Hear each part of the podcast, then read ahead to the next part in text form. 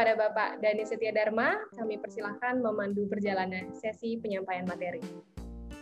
Baik, terima kasih Sekar. Uh, selamat datang semuanya rekan-rekan mahasiswa, terutama dari Universitas Sidia Nusantara dan Universitas Al-Azhar Indonesia.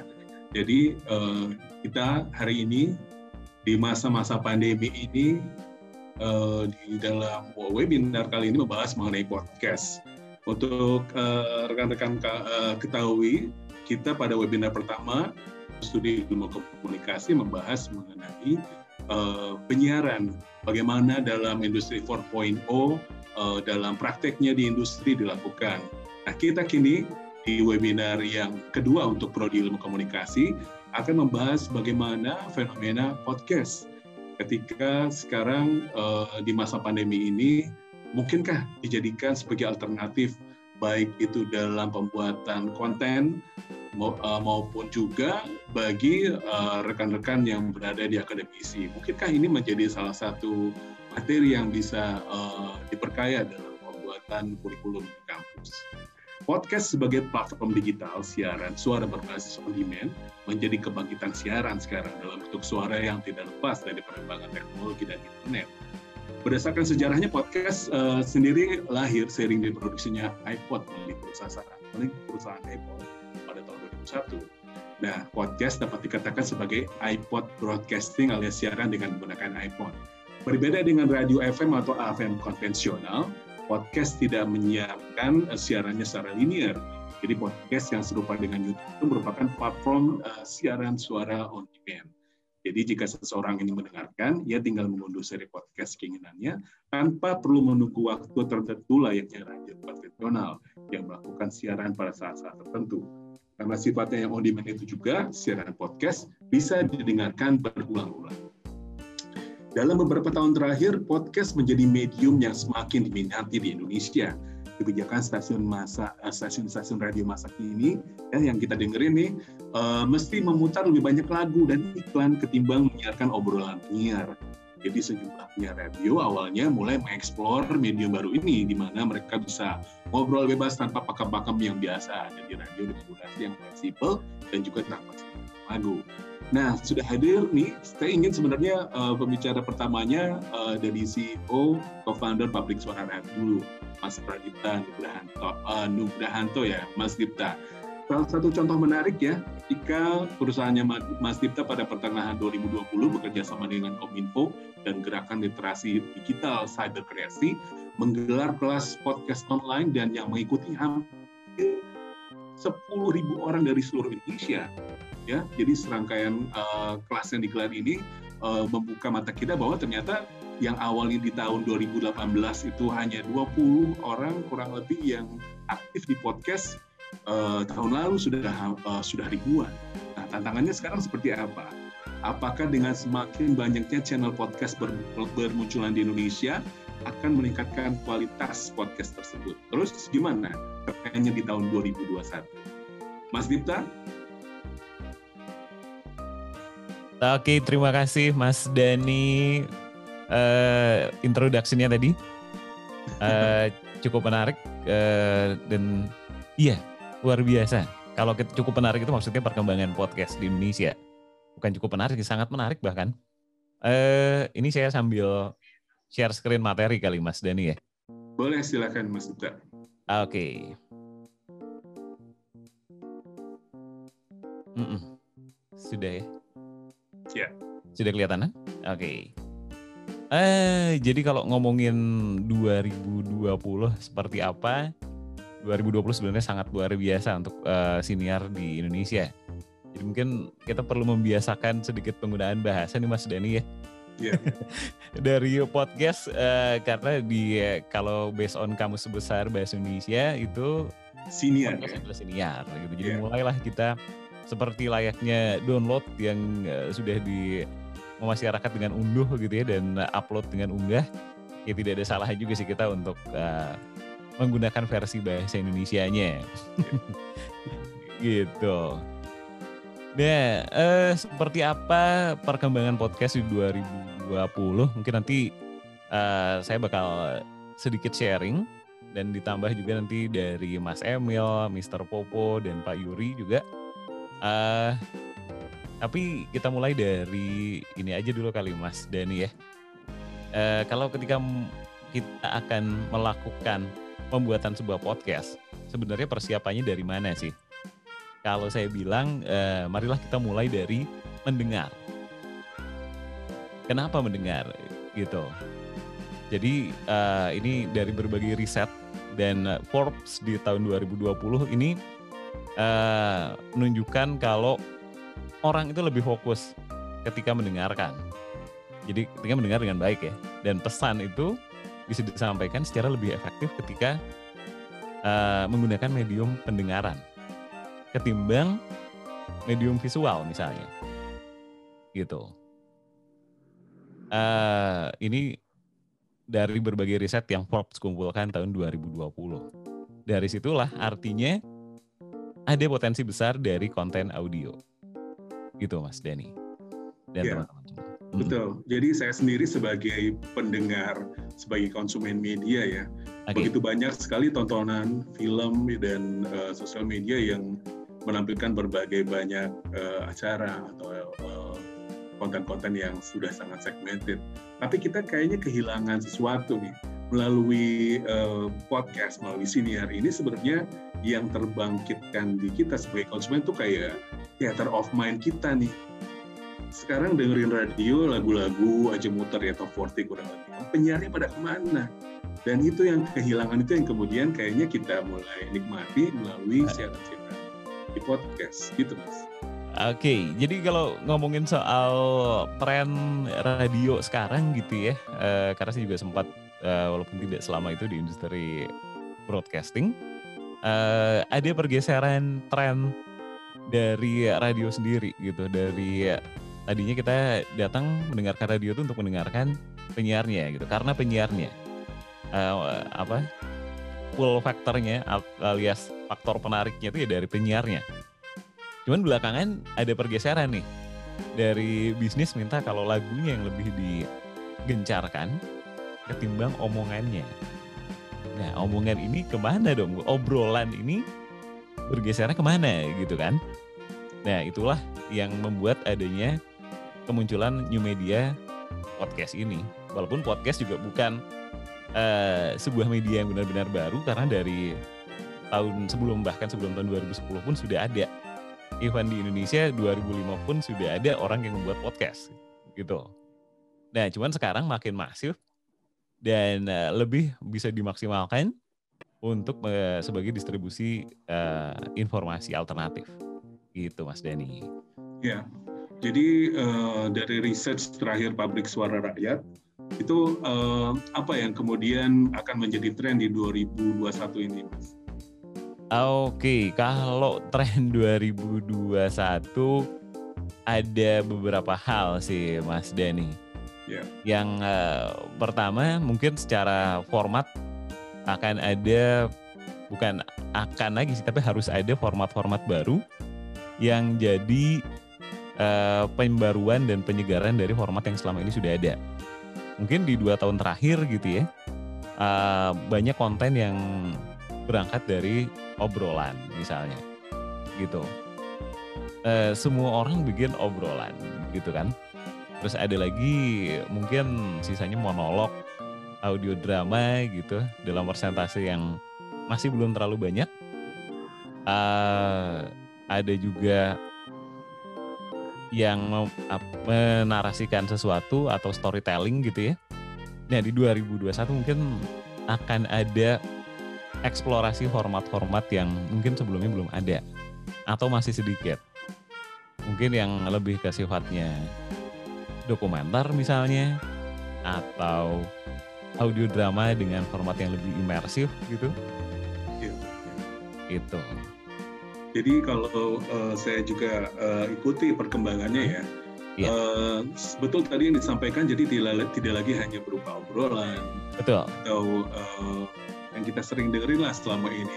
Yeah. Tapi kemudian ini menjadi sebuah uh, uh, listener experience, jadi uh, semacam uh, bank data juga ya.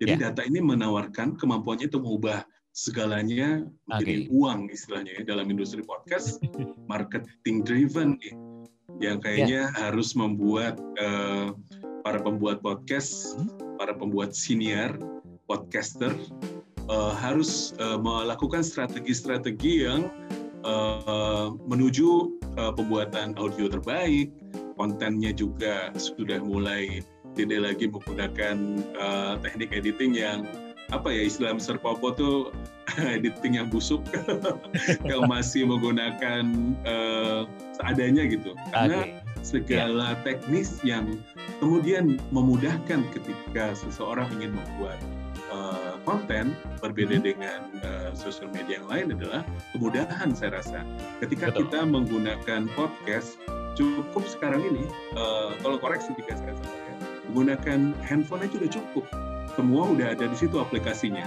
Saya coba kemarin uh, menggunakan uh, Anchor ya.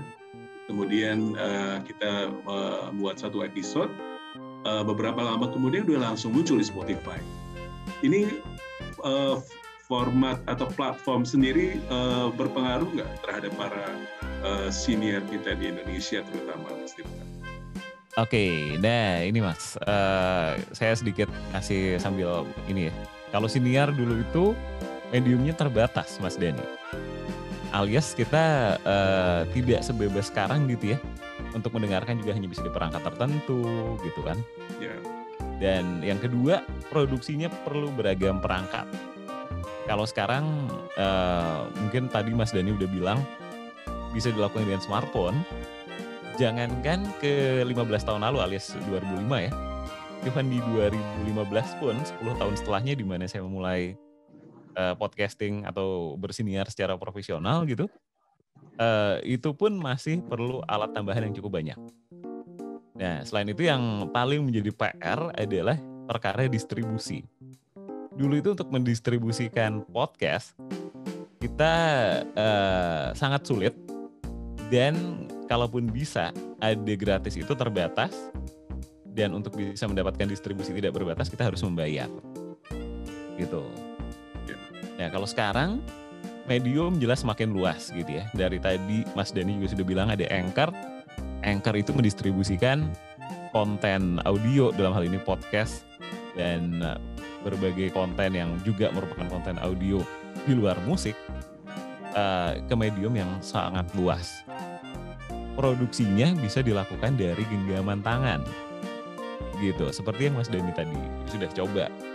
Uh, bisa dengan anchor itu kita bisa merekam mengedit dan mendistribusikan. Ini yang uh, mungkin selama beberapa tahun terakhir selalu menjadi barrier uh, dari para podcaster gitu iya yeah.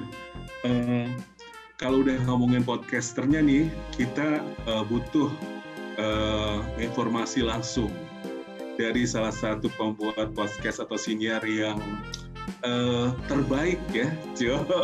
Saya nggak tahu tapi konten horor ini uh, menjadi salah satu favorit di Indonesia. Jadi dengerin horor tuh kayak hiburan yang menyenangkan gitu.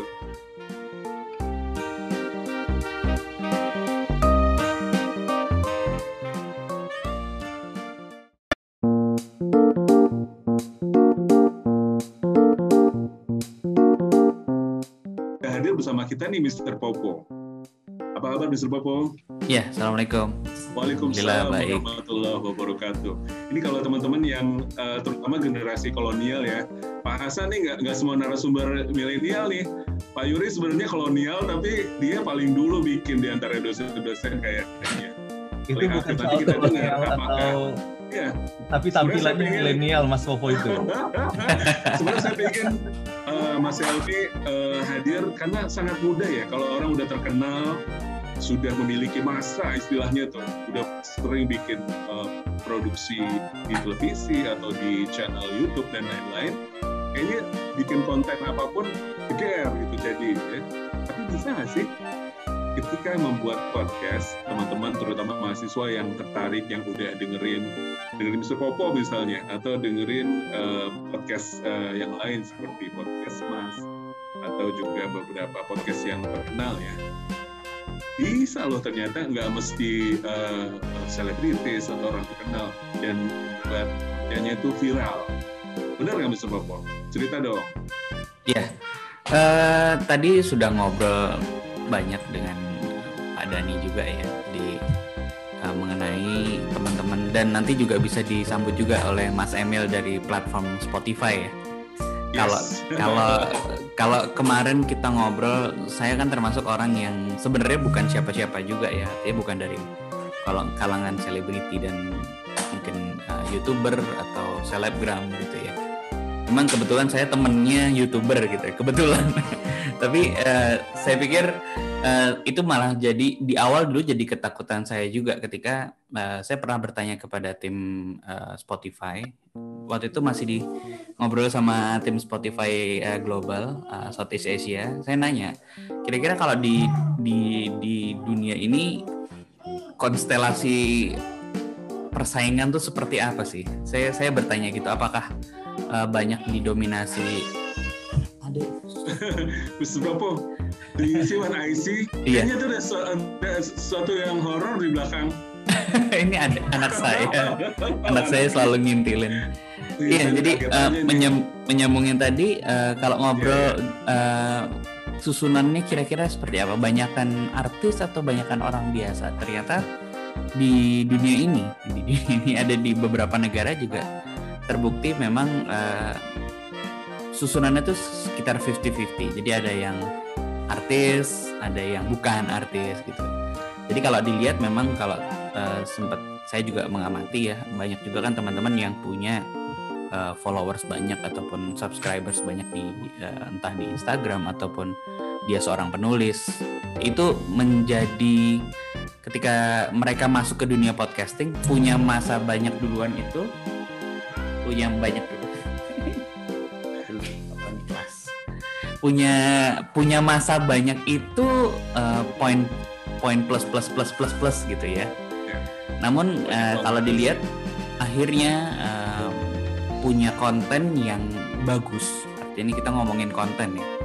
Konten yang bagus, uh, kemudian kemasannya berbeda, kemudian uh, menghibur gitu ya. Apa pun apa pun kontennya.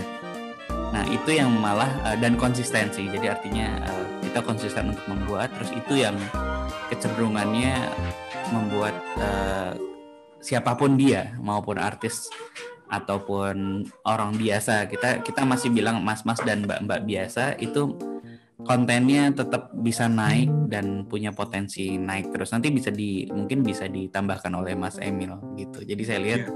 bukan hanya uh, apa ya bukan hanya terkenal bukan hanya uh, menarik juga tapi harus bisa menghibur apa pun uh, kontennya. Baik itu mungkin edukasi politik uh, yang serius juga bisa.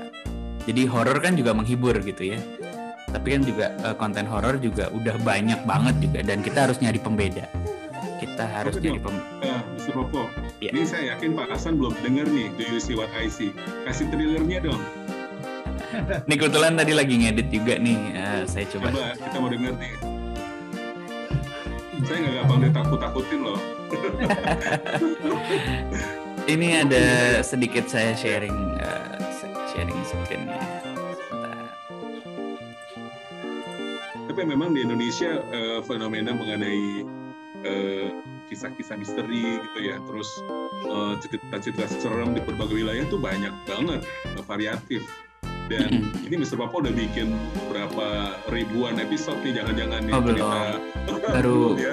baru mendekati angka 500 episode waduh 500 episode cerita hantu jadi ini kalau uh, kalau saya saya tuh uh, ada beberapa teknik. Papa punya eh papa popo jadi orang sekarang. Papa popo. Sebentar ya. Sebentar ya nah, saya nah, saya di sana. Jadi kalau saya uh, punya teknik editing di uh, Do You See What I See itu biasanya di awal selalu diawali dengan uh, ambience, kemudian nanti men menjelang seperti ini nih kalau dilihat di grafiknya mungkin teman-teman yang di ilmu komunikasi juga banyak belajar seperti ini juga ya. Nah, di sini saya memberikan sebuah ambience yang klimaks gitu ya. Selalu di diawali dengan biasa-biasa saja dan kalau ngelihat dari uh, komposisinya ini ada yang di atas adalah tentu saja suara pencerita, kemudian ada back. Nah, di sini ketika masuk ke unsur uh, keseraman gitu ya. Kalau dalam uh, narasi storytelling seperti horor ataupun uh, ada juga saya juga pernah ngedit untuk cerita-cerita yang uh, termehek-mehek gitu ya, yang sedih-sedih gitu. Nah itu memang uh, penyusunan sebuah uh, susunan sebuah back sound, kemudian kombinasi beberapa back sound seperti ini dan juga ada kalau di horor ada istilahnya jump scare. Nah itu membangun suasana. Kita coba dengerin sedikit ya di bagian menuju jump scare. Udin diajak berjalan-jalan menuju gang ini bersama temannya tersebut. Sesampainya di gang itu, di dekat kamar mandi, teman Udin ini tiba-tiba menghilang entah ke mana. Di saat mencari-cari temannya tersebut, Udin yang masih belum begitu sadar, tiba-tiba mencium bau wangi bebungaan dan melihat dengan jelas di depan kamar mandi ada sosok perempuan berbaju putih, lusuh, rambutnya panjang berantakan, wajahnya menyeramkan sekali, dan posisinya seperti sedang mencuci sesuatu. Bau yang tadinya wangi bebungaan tiba-tiba berubah menjadi bau anyir amis yang membuat Udin serasa mau muntah. Di saat Udin menahan bau itu, Sosok perempuan tadi tiba-tiba berdiri dan membalikkan tubuhnya, menunjukkan bagian belakangnya yang bolong dipenuhi darah. Ya, itu tadi memang uh, kalau didengerin memang nggak pengen selesai gitu. iya, ini saya lagi nungguin jam scare-nya. Mana nih muncul? Uh, iya, ada baik. Jadi kalau nanti kalau teman-teman apa namanya uh, kita mudah-mudahan ada sesi selanjutannya ya Mas Dani ya yeah. kita kita akan bedah beberapa teknik editing khususnya untuk beberapa kategori, eh, kategori genre gitu ya karena untuk membangun suasana sebuah podcast meskipun podcast itu tidak visual dan hanya hanya menggunakan indera pendengaran gitu ya tapi podcast itu bisa sangat imersif sekali di kalau kata teman-teman yang mendengarkan uh, menonton film horor dan mendengarkan horor itu lebih dampak damage-nya lebih besar mendengarkan gitu. Iya betul. Jadi gambar, mm -mm. ya sih sama seperti radio benar, sebenarnya podcast ini juga kan the theater of mind. Theater of Jadi mind. radio atau podcast itu the theater of mind. Television is the theater of mindless. nah Nggak jadi ya sih. itu. Jadi, Tapi ya gitu. Jadi apa pun apa pun ya, genrenya. ya, jadi ya itu apa pun genrenya, apa kita harus bisa bermain dengan theater of mind tadi. Yeah. of mind tadi. Jadinya gini, uh, ketika kita misalnya Pak Hasan atau uh, teman-teman yang baru mendengarkan podcastnya Do You See What I See, mungkin sekarang biasa-biasa aja nih. Tapi kalau lagi malam Jumat, eh udah Jumat ya, malam Jumat dengerin uh, podcastnya gitu sendirian, itu waduh, membayangkannya pasti udah lebih horor lagi. Jadi itu justru kekuatan ya yang harus dilakukan um, oleh para podcast, betul nggak? Serpopo. Serpopo masih ada nggak nih? Kayaknya. Jadi memang. Oh masih ada. Ya, agak putus-putus sih sinyalnya. Tapi suara Mas Poponya jelas terus hari ini. Mas Dani. Ya, suaranya jelas Mr. Popo, Papa Popo. Silakan. Iya, bisa diulang lagi. Tadi agak terputus Mas Dani. Ya, jadi uh, kita akan membahas nih setelah kita uh, uh, tahu bahwa tidak mudah untuk membuat uh, ide. Kayaknya bikin horor, semua orang bisa nih cerita horor gitu kan atau uh, uh, beberapa kisah-kisah lain, tapi mengemasnya menjadi sebuah karya podcast itu kan nggak mudah ternyata. Jadi bisa diceritakan nggak uh, berpopo dari mulai ide membuat horor itu tadi secara singkat, kemudian sekarang bertahan hingga puluhan ya, Ini uh, dan tidak kehilangan pendengar.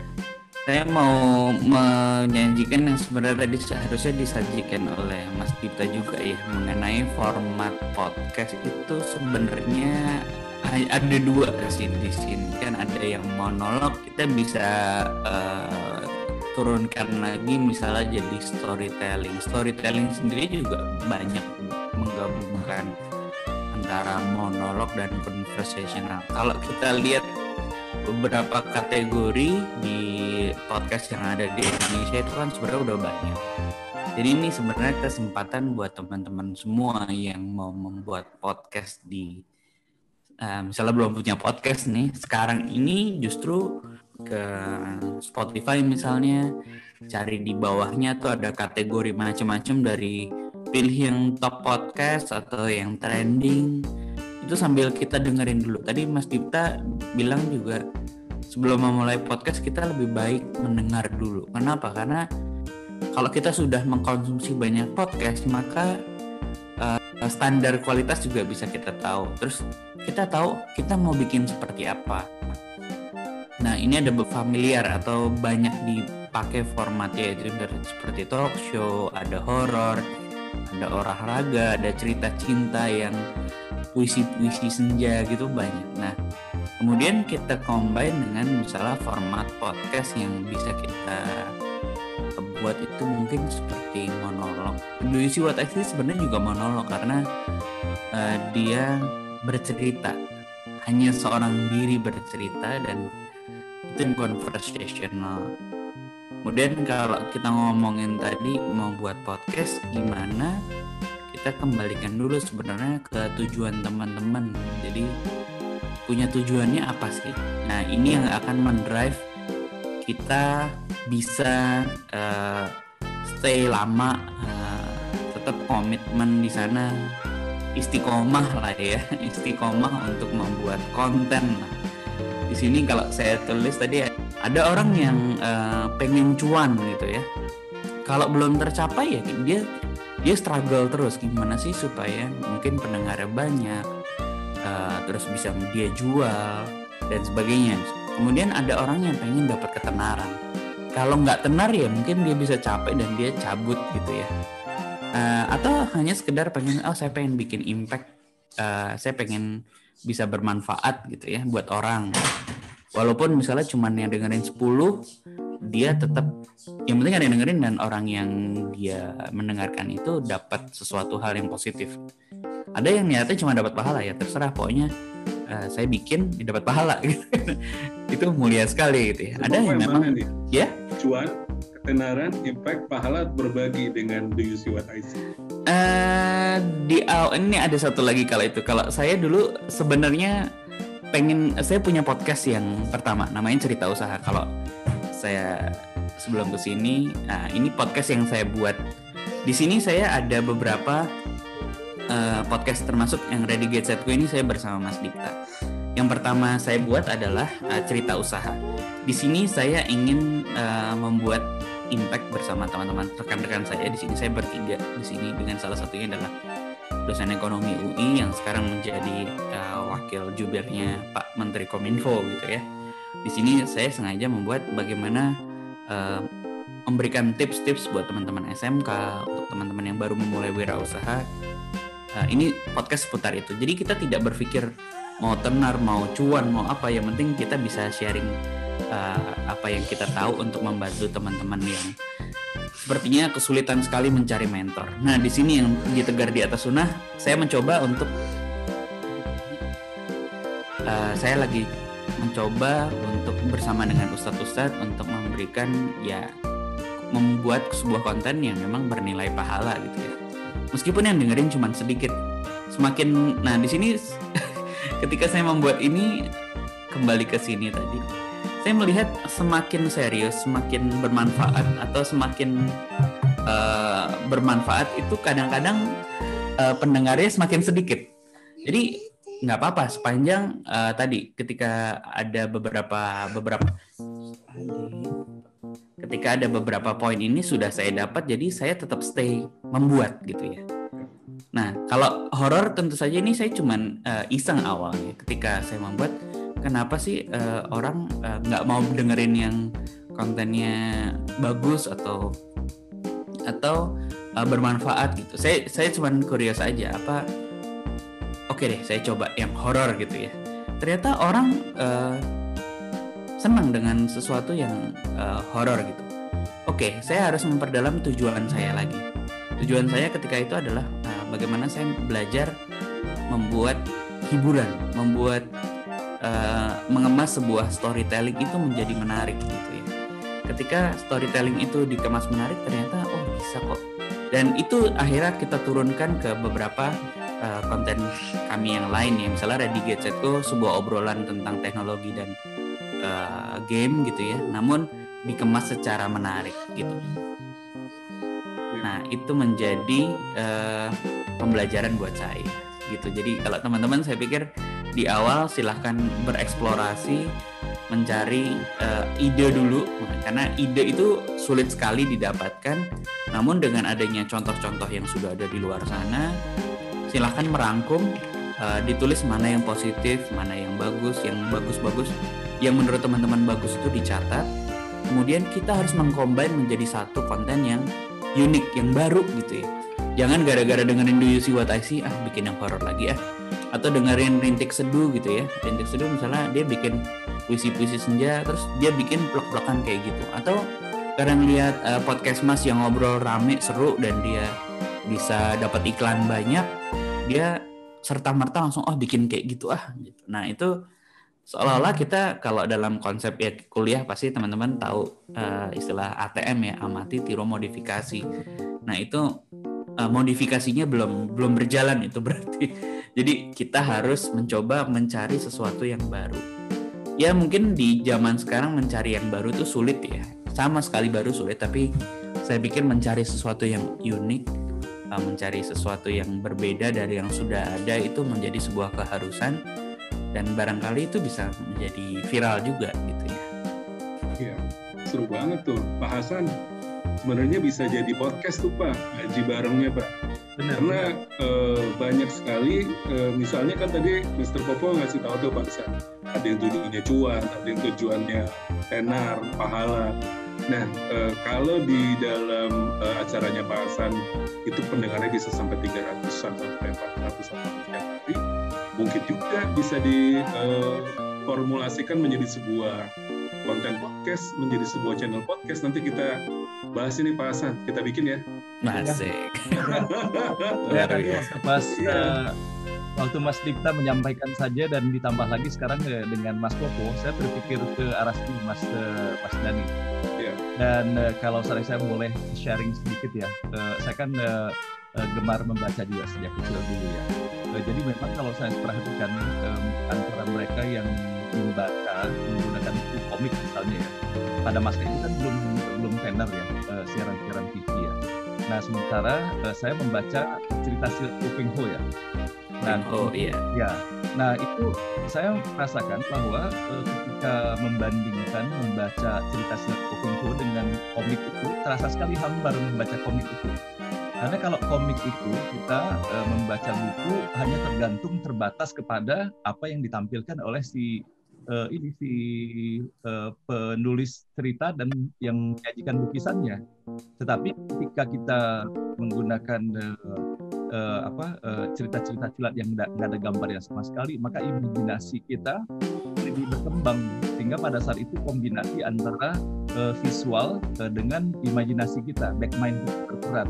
Maka saya bisa membayangkan, saya sepakat sekali dengan Mas Popo tadi itu bahwa uh, ketika mendengarkan uh, kisah horor uh, dibandingkan dengan kita menontonnya, maka akan jauh lebih impactnya uh, dengan mendengarkan karena kombinasi uh, visual dan uh, uh, alam bawah sadar kita bermain di sana. Mungkin benar ya uh, kesimpulan saya Mas Popo. Ya, betul. Jadi uh, ketika Mas Popo juga ternyata banyak sekali sudah membuat apa istilahnya channel ya, nggak cuma Yes, horor, Iya. juga ada berbagai uh, konten lain dari mulai usaha sampai ke uh, pengajian juga ya. Nah, kalau kita bicara mengenai podcast, mengenai siniar, uh, Mas Dipta nanti mu- mungkin bisa tambahkan lagi pada saat sesi tadi jawab. Um, ini sudah menjadi uh, kebutuhan marketing juga. Kita, uh, kita sempat ngobrol ada uh, public figure yang kemudian uh, butuh nih uh, branding melalui podcast dan memiliki uh, siaran tersendiri. Begitu juga dengan produk. Nah, ketika sudah semakin banyak sekali uh, podcaster ya, ide hingga ribuan, bagaimana dengan platformnya?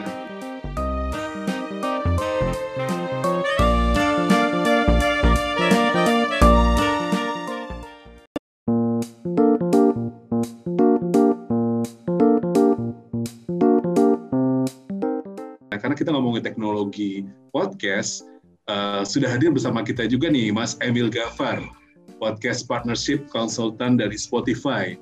Jadi ketika Spotify dan Apple ya di awal-awal sudah bersaing ketat di industri podcast selama bertahun-tahun untuk mendapatkan posisi teratas di pasar, sepertinya Spotify data terakhir dari Mas Dipta uh, itu berhasil memenangkan hati uh, generasi Z dan millennials nih. Jadi kayaknya kelihatannya platformnya akan mendorong lebih banyak konten uh, audio, terus ber- berinovasi terus untuk mendapatkan audiens yang lebih banyak. Do you see aja sepertinya eksklusif ya hanya di Spotify.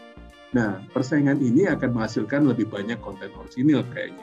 Karena Spotify berupaya mempertahankan singgasananya dengan banyak produksi in-house yang mirip dengan Netflix ya kalau kita nonton di uh, video-video itu ya. Nah, uh, bagaimana nih uh, uh, Mas Emil bisa melihat ini dari data tahun 2020 aja Indonesia termasuk dalam peringkat ketiga di dunia dalam jumlah channel baru uh, selain Amerika Serikat ya. Bagaimana Mas Emil melihat ini? Ya Mas Dani, terima kasih halo semuanya. Uh, terima kasih ini sudah diberikan kesempatan untuk berbicara di forum ini. Jadi uh, mungkin menyambung tadi pertanyaan Mas Dani.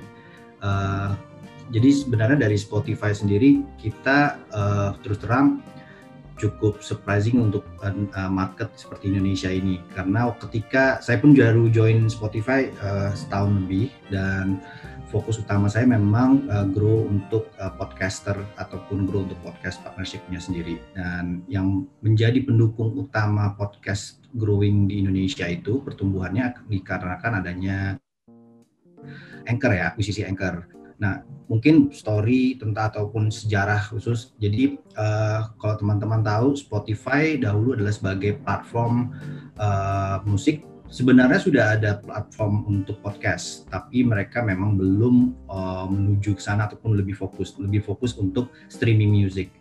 Nah, ketika di awal tahun akhir tahun 2018 uh, ada adalah kita maksudnya dari uh, manajemen di Spotify di luar sana dan mereka melihat potensi ke depan adalah menjadi nggak hanya menjadi musik platform tapi menjadi audio network. Makanya kami di sini sebagai Spotify uh, ingin menjadi uh, audio network di global. Uh, audio audio network itu apa aja? Konsis dari uh, musik dan talks. Jadi kalau podcast kita sebutnya talks ya karena kan berbicara langsung tanpa ada ada alunan musik dan sebagainya. Kalau Mas Emil, jika ingin menampilkan uh, presentasinya, dipersilahkan. Baik. Saya sudah baca tadi menarik banyak data yang uh, keren nih. Jadi kita uh, para akademisi, dosen-dosen yang sudah bergabung di sini, serta mahasiswa yang um, kebagian uh, mendapatkan uh, tugas ya untuk uh, membuat konten nanti di mata kuliah yang akan diperoleh. Dan Ya. saya rasa di industri juga semua udah harus memiliki kemampuan itu ya. Apakah uh, kemudian uh, podcast ini menjadi salah satu yang harus dimiliki kemampuan membuat Ya. maupun menganalisa? Sudah Dari di sisi platform ya, Mas uh, Emil bisa share ke kita. Sudah lihat? Yes, sudah. Oke oke oke. Oke jadi uh, di sini uh, mungkin saya akan nggak through, uh, tidak through semua, tapi akan saya akan uh, ceritakan tentang uh, kenapa jadinya akhirnya Anchor menjadi fokus utama kita. uh, pertumbuhan podcast di Spotify uh, seperti yang saya bilang mungkin beberapa sudah tahu bahwa uh, 200% tahun ke tahunnya listening growth di podcast itu cukup besar uh, untuk di audio platform seperti Spotify sendiri. Itu secara organik tumbuhnya ya dan kita melihat pendukung utamanya adalah beberapa berbagai macam kreator uh, kita sebutnya uh, ataupun podcasters di seluruh dunia.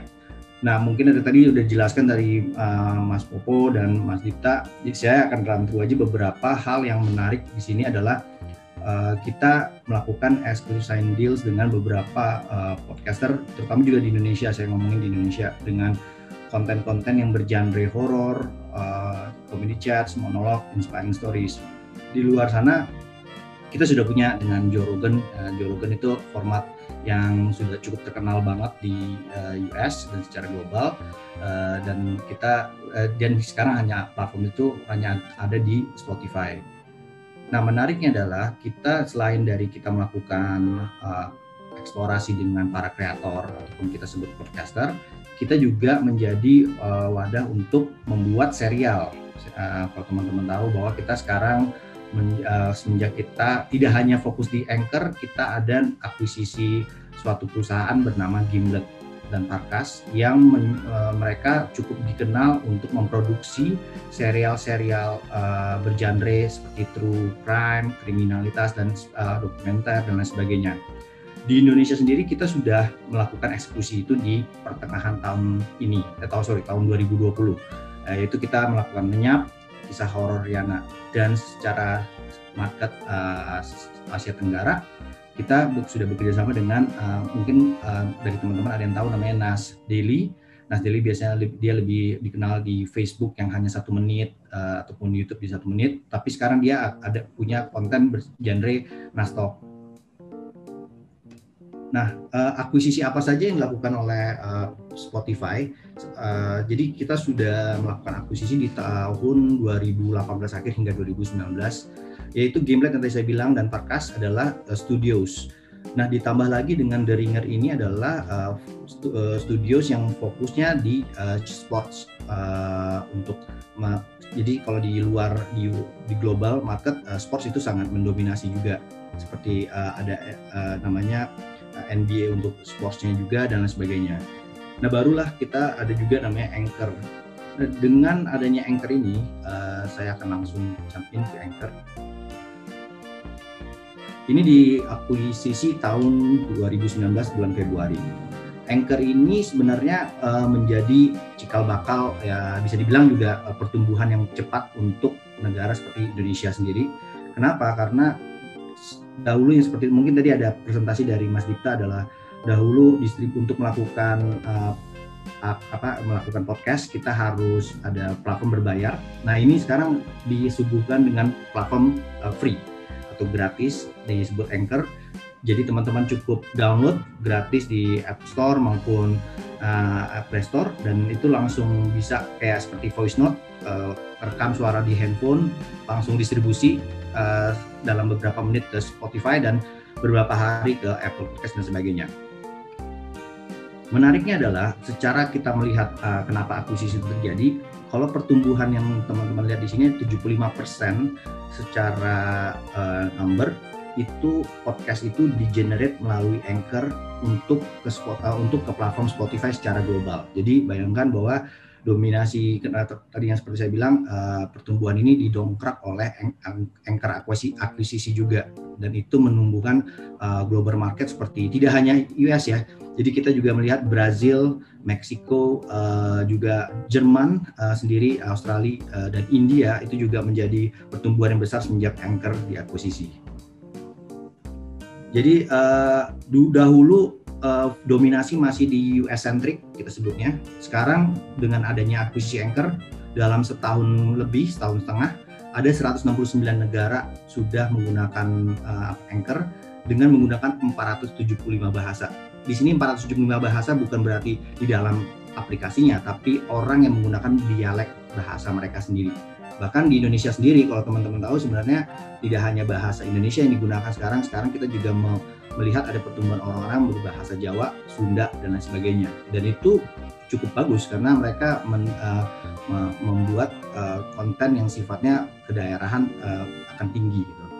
Di sini makanya uh, penunjang 80% ternyata uh, dulu dulunya 80% itu di angka di Amerika, sekarang 80% kebalikan malah dari global yang mendongkrak pertumbuhan podcast uh, show ini di di Spotify. Mungkin bertanya kenapa sih Anchor? Jadi yang tadi saya jelaskan semenjak akuisisi ini pertama Anchor itu free uh, jadi orang ketika disuguhkan dengan platform yang oh mudah sekali tidak banyak memakan data tidak banyak memakan ya istilahnya uh, resource dan sebagainya dan cukup langsung uh, one click away istilah bahasanya itu langsung bisa menjadi exclusive creation bikin create aja kontennya free hosting tidak ada dikenakan jas apa pun anda disuguhkan dengan analytics jadi Anda bisa melihat jumlah pendengar Anda, umur demografinya, male female-nya, dari daerah mana yang cocok dan sebagainya. Dan ada juga network support mungkin kalau misalnya itu ada di untuk email dan dedication uh, creator relationship-nya juga. Ini bisa diakses di tidak hanya di mobile tapi juga di desktop maupun iPad ataupun tablet ya.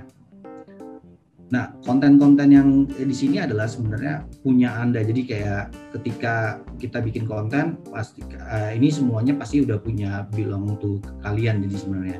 Cuma saya mungkin di sini saya tidak menambahkan di slide ini, tapi saya hanya beberapa pointer yang saya mau highlight.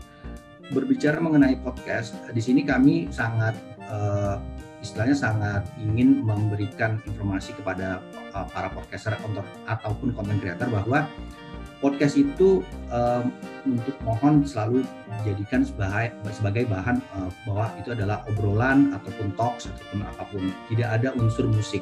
Kenapa? Karena uh, kita sebagai platform musik juga itu sangat menjaga bahwa uh, kreasi orang menggunakan musik uh, itu tidak baik. Jadi makanya sekarang di kami uh, kita punya tim yang di mana melihat oh, penggunaan musik yang illegal ataupun langsung download uh, apa pun upload uh, musik itu uh, secara otomatis ada tim kami yang akan shutdown ataupun mengkurasi supaya tidak ada uh, musik yang beredar di podcast.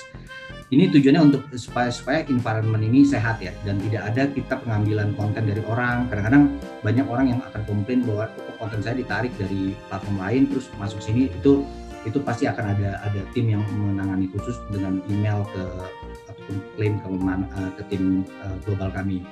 Kedua, uh, kita mencoba meng-highlight selalu saya saya selalu meng-highlight hindari penggunaan sara jadi tidak ada kalau bisa tetap positif dan lain sebagainya, lebih ke motivasi dan sebagainya dan selalu uh, pastikan ya konten yang Anda lakukan itu bermanfaat juga buat tim uh, audiens yang kalian highlight.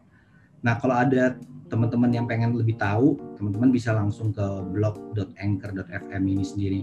Dan nanti uh, di sini sebenarnya ada berbagai banyak update fitur-fitur ke depannya. Semoga tahun 2021 ini akan ada fitur-fitur baru dari Anchor yang untuk menyuguhkan para eh, kreator apa yang bisa dibantu lagi dan sebagainya.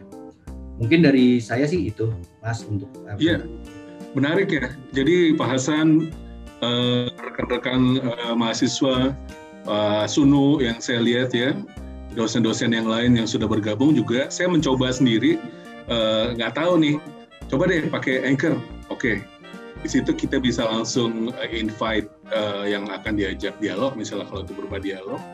Terus uh, ada juga musik dan sebagainya yang bisa kita edit di situ. Terus selesai misalnya nggak perlu diedit uh, musik canggih-canggih uh, uh, dulu deh. Saya publish, nggak lama muncul di Spotify. Itu kayaknya yang waduh ada ada konten saya di antara Do You See What I See di antara podcast-podcast lain yang terkenal tuh kayaknya yang wah memicu untuk bisa bikin lebih seru lagi nih kayaknya bisa gue gitu jadi teman-teman sekarang uh, silakan tuh ada mulai ada yang bertanya nanti kita masuk ke sesi berikutnya ya ditanya jawab udah mulai nanya cuan udah mulai nanya macam-macam nih nanti tunggu dulu ya, ya, ya. dijawab Mas Emil Mas Dikta dan uh, Mr. Popo dan sekarang menjadi papa ya. lagi mengasuh putrinya. Tapi ada satu hal nih, kita sekarang sudah uh, membahas sebenarnya pada uh, sisi akademis. Uh, beberapa dosen sudah mulai membuat konten uh, yang terkait dengan pendidikan.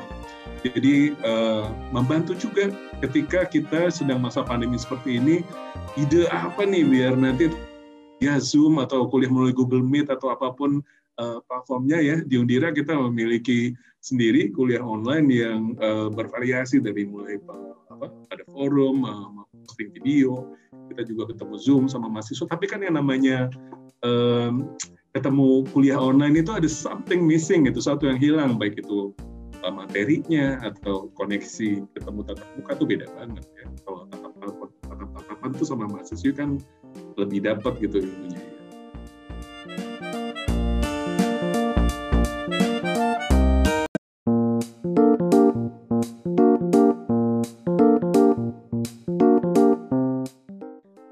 Bagaimana membuat uh, konten podcast tapi untuk kebutuhan pendidikan. Pak Yuri, cerita dong, neliti komunikasinya nih banyak juga nih uh, penggemarnya. Oke, okay. uh, eh, Assalamualaikum warahmatullahi wabarakatuh. Waalaikumsalam. Terima kasih Mas Dani, tapi saya mau uh, sapa sebentar uh, kepada pimpinan dari Undira, Pak Wareknya, kemudian ada uh, Kaprodi dari UAI juga hadir di sini. Kemudian dari para pembicara dan semua peserta uh, saya ingin mengucapkan terima kasih ya kepada panitia uh, dengan saya menjadi seorang pembicara di sini. Terima kasih diberikan kesempatan. Baik Mas Dani saya boleh minta izin? Saya mau share screen. Silakan Pak Yuri. Iya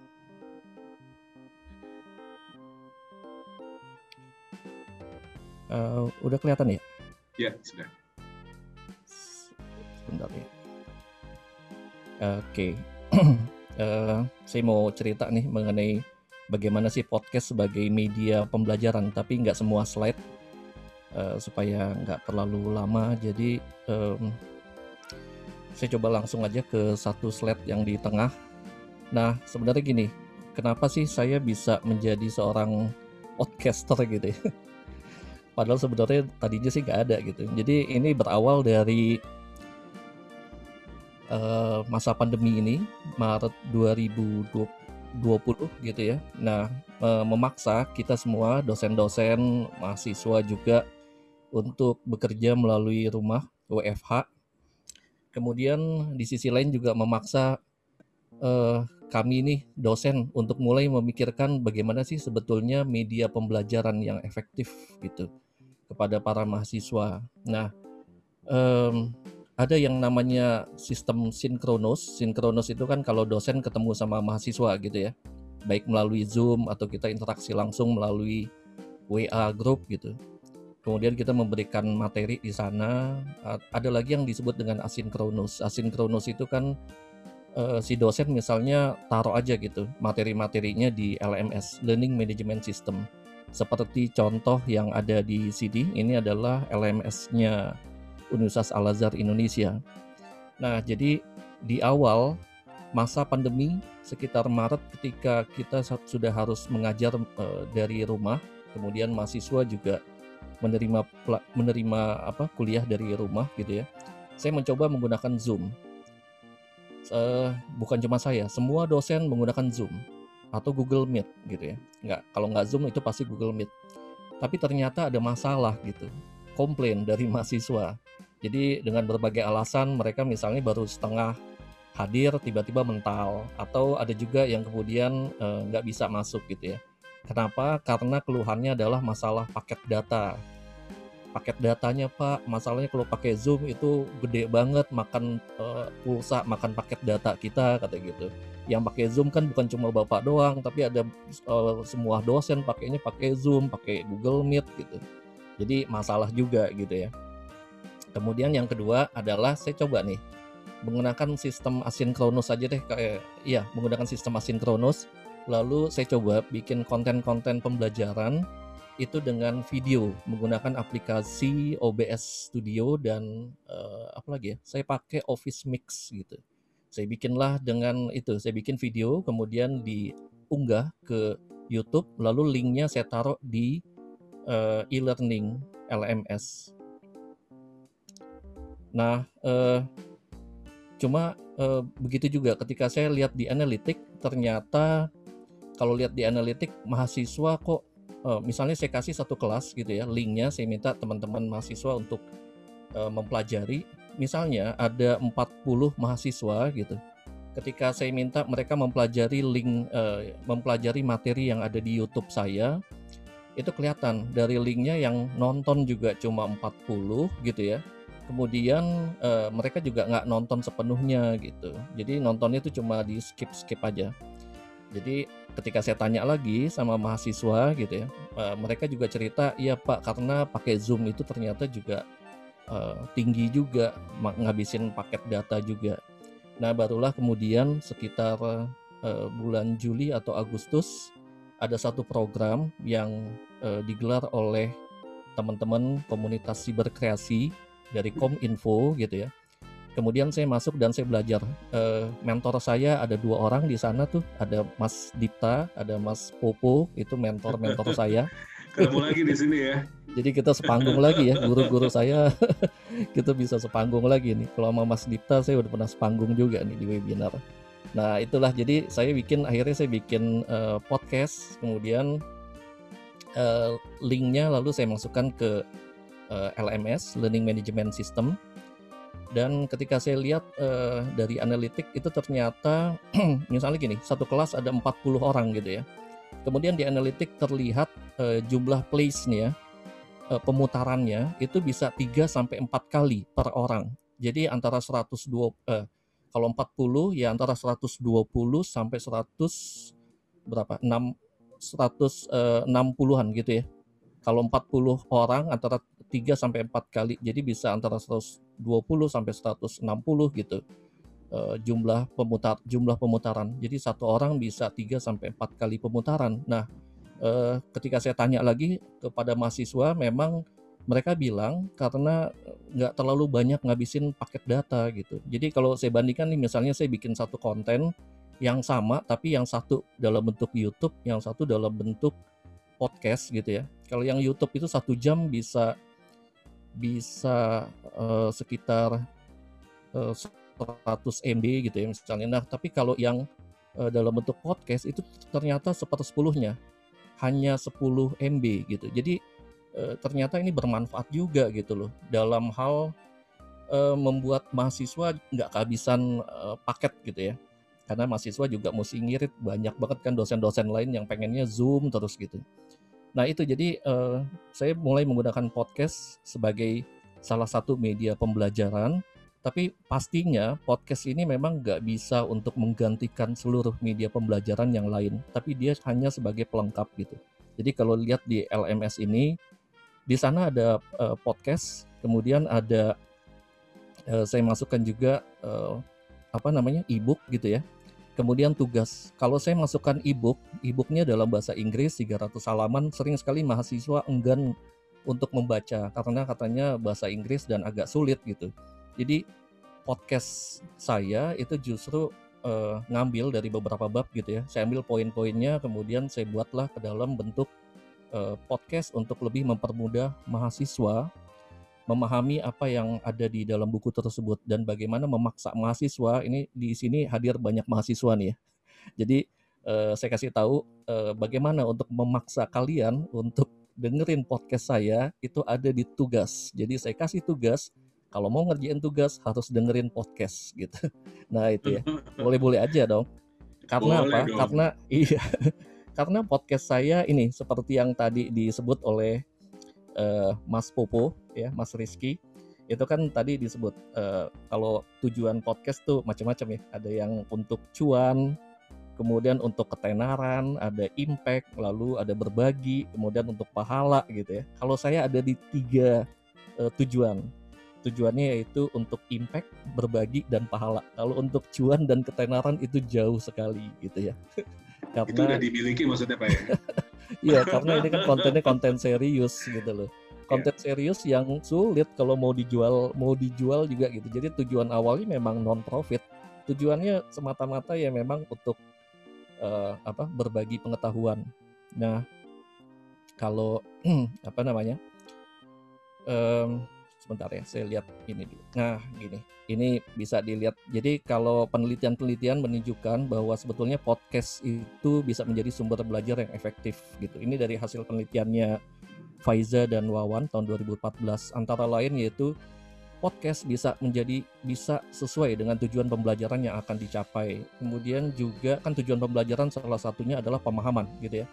Kemudian yang kedua mampu menggugah imajinasi pendengar uh, seperti tadi yang disebut uh, oleh Mas Popo, Mas Dipta, yaitu dengan membuat misalnya ya storytelling, kemudian mengakibatkan yang disebut dengan membangun theater of mind.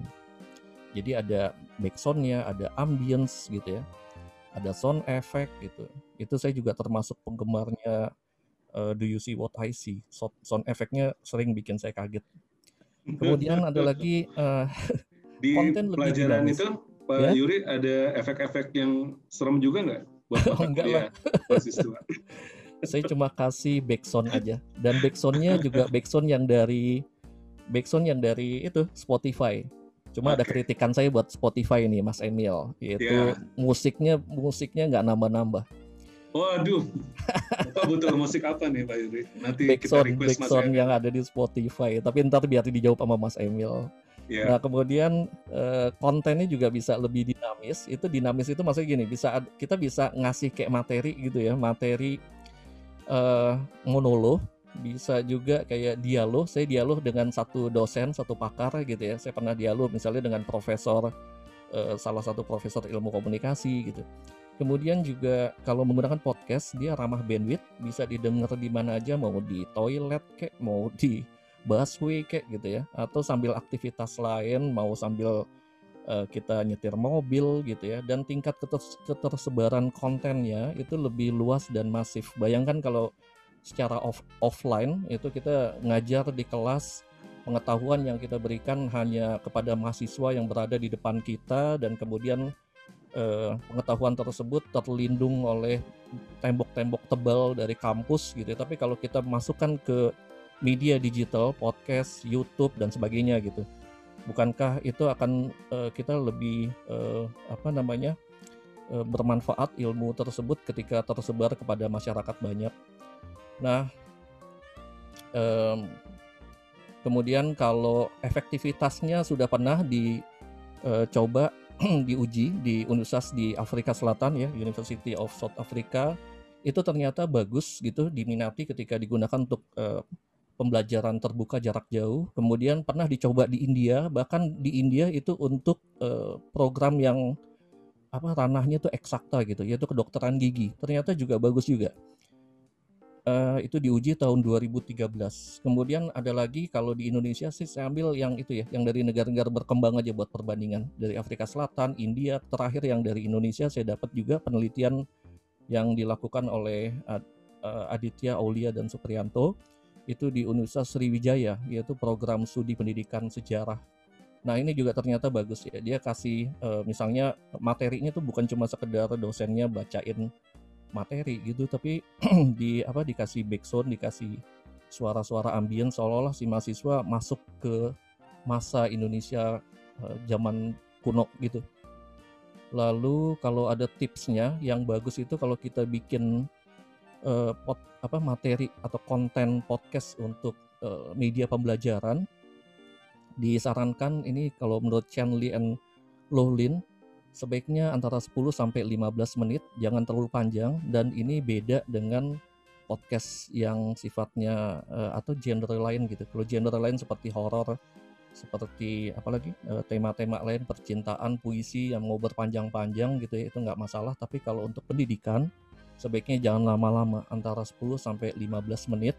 Kalau saya sendiri sih antara 7 sampai 20 menit yang materi ya. Kecuali ada lagi kalau materi episode saya tuh di dalam podcast saya ada yang misalnya kayak webinar ya seperti ini kemudian rekamannya saya saya masukkan podcast. Kemudian ada lagi yang eh, dialog saya dengan seorang pakar itu biasanya sampai satu jam gitu. Tapi kalau yang materi untuk pendidikan itu biasanya ya sekitar itu 20 menitan. Kemudian uh, yang kedua, podcast itu sebenarnya cuma untuk pelengkap materi kuliah. Jadi jangan dianggap podcast itu bisa untuk menggantikan materi-materi yang lain gitu. Karena uh, uh, tetap ya materi yang lain itu kan pelengkapnya kan ada e-book gitu, ada buku, ada tugas e-learning, kemudian ada forum diskusi, ada PPT dan uh, sebagainya. Lalu juga yang ketiga adalah uh, pendidik sebaiknya juga jangan menduplikasi konten yang tersedia di buku teks. Jadi jangan cuma sekedar membaca gitu apa yang ada di buku teks, tapi sebaiknya diambil poin-poin, lalu uh, poin-poin tersebut kemudian nanti dibawakan dengan bahasa sendiri, dibumikan gitu ya. Uh, jadi kalau saya sendiri sih biasanya membawakan dengan menggunakan PowerPoint gitu. Uh, lalu nanti baru saya cerita saya pikir uh, sementara itu dulu, Mas uh, Dani. Baik, Prof. Nero. Oh, uh, Pak Yuri maksud saya.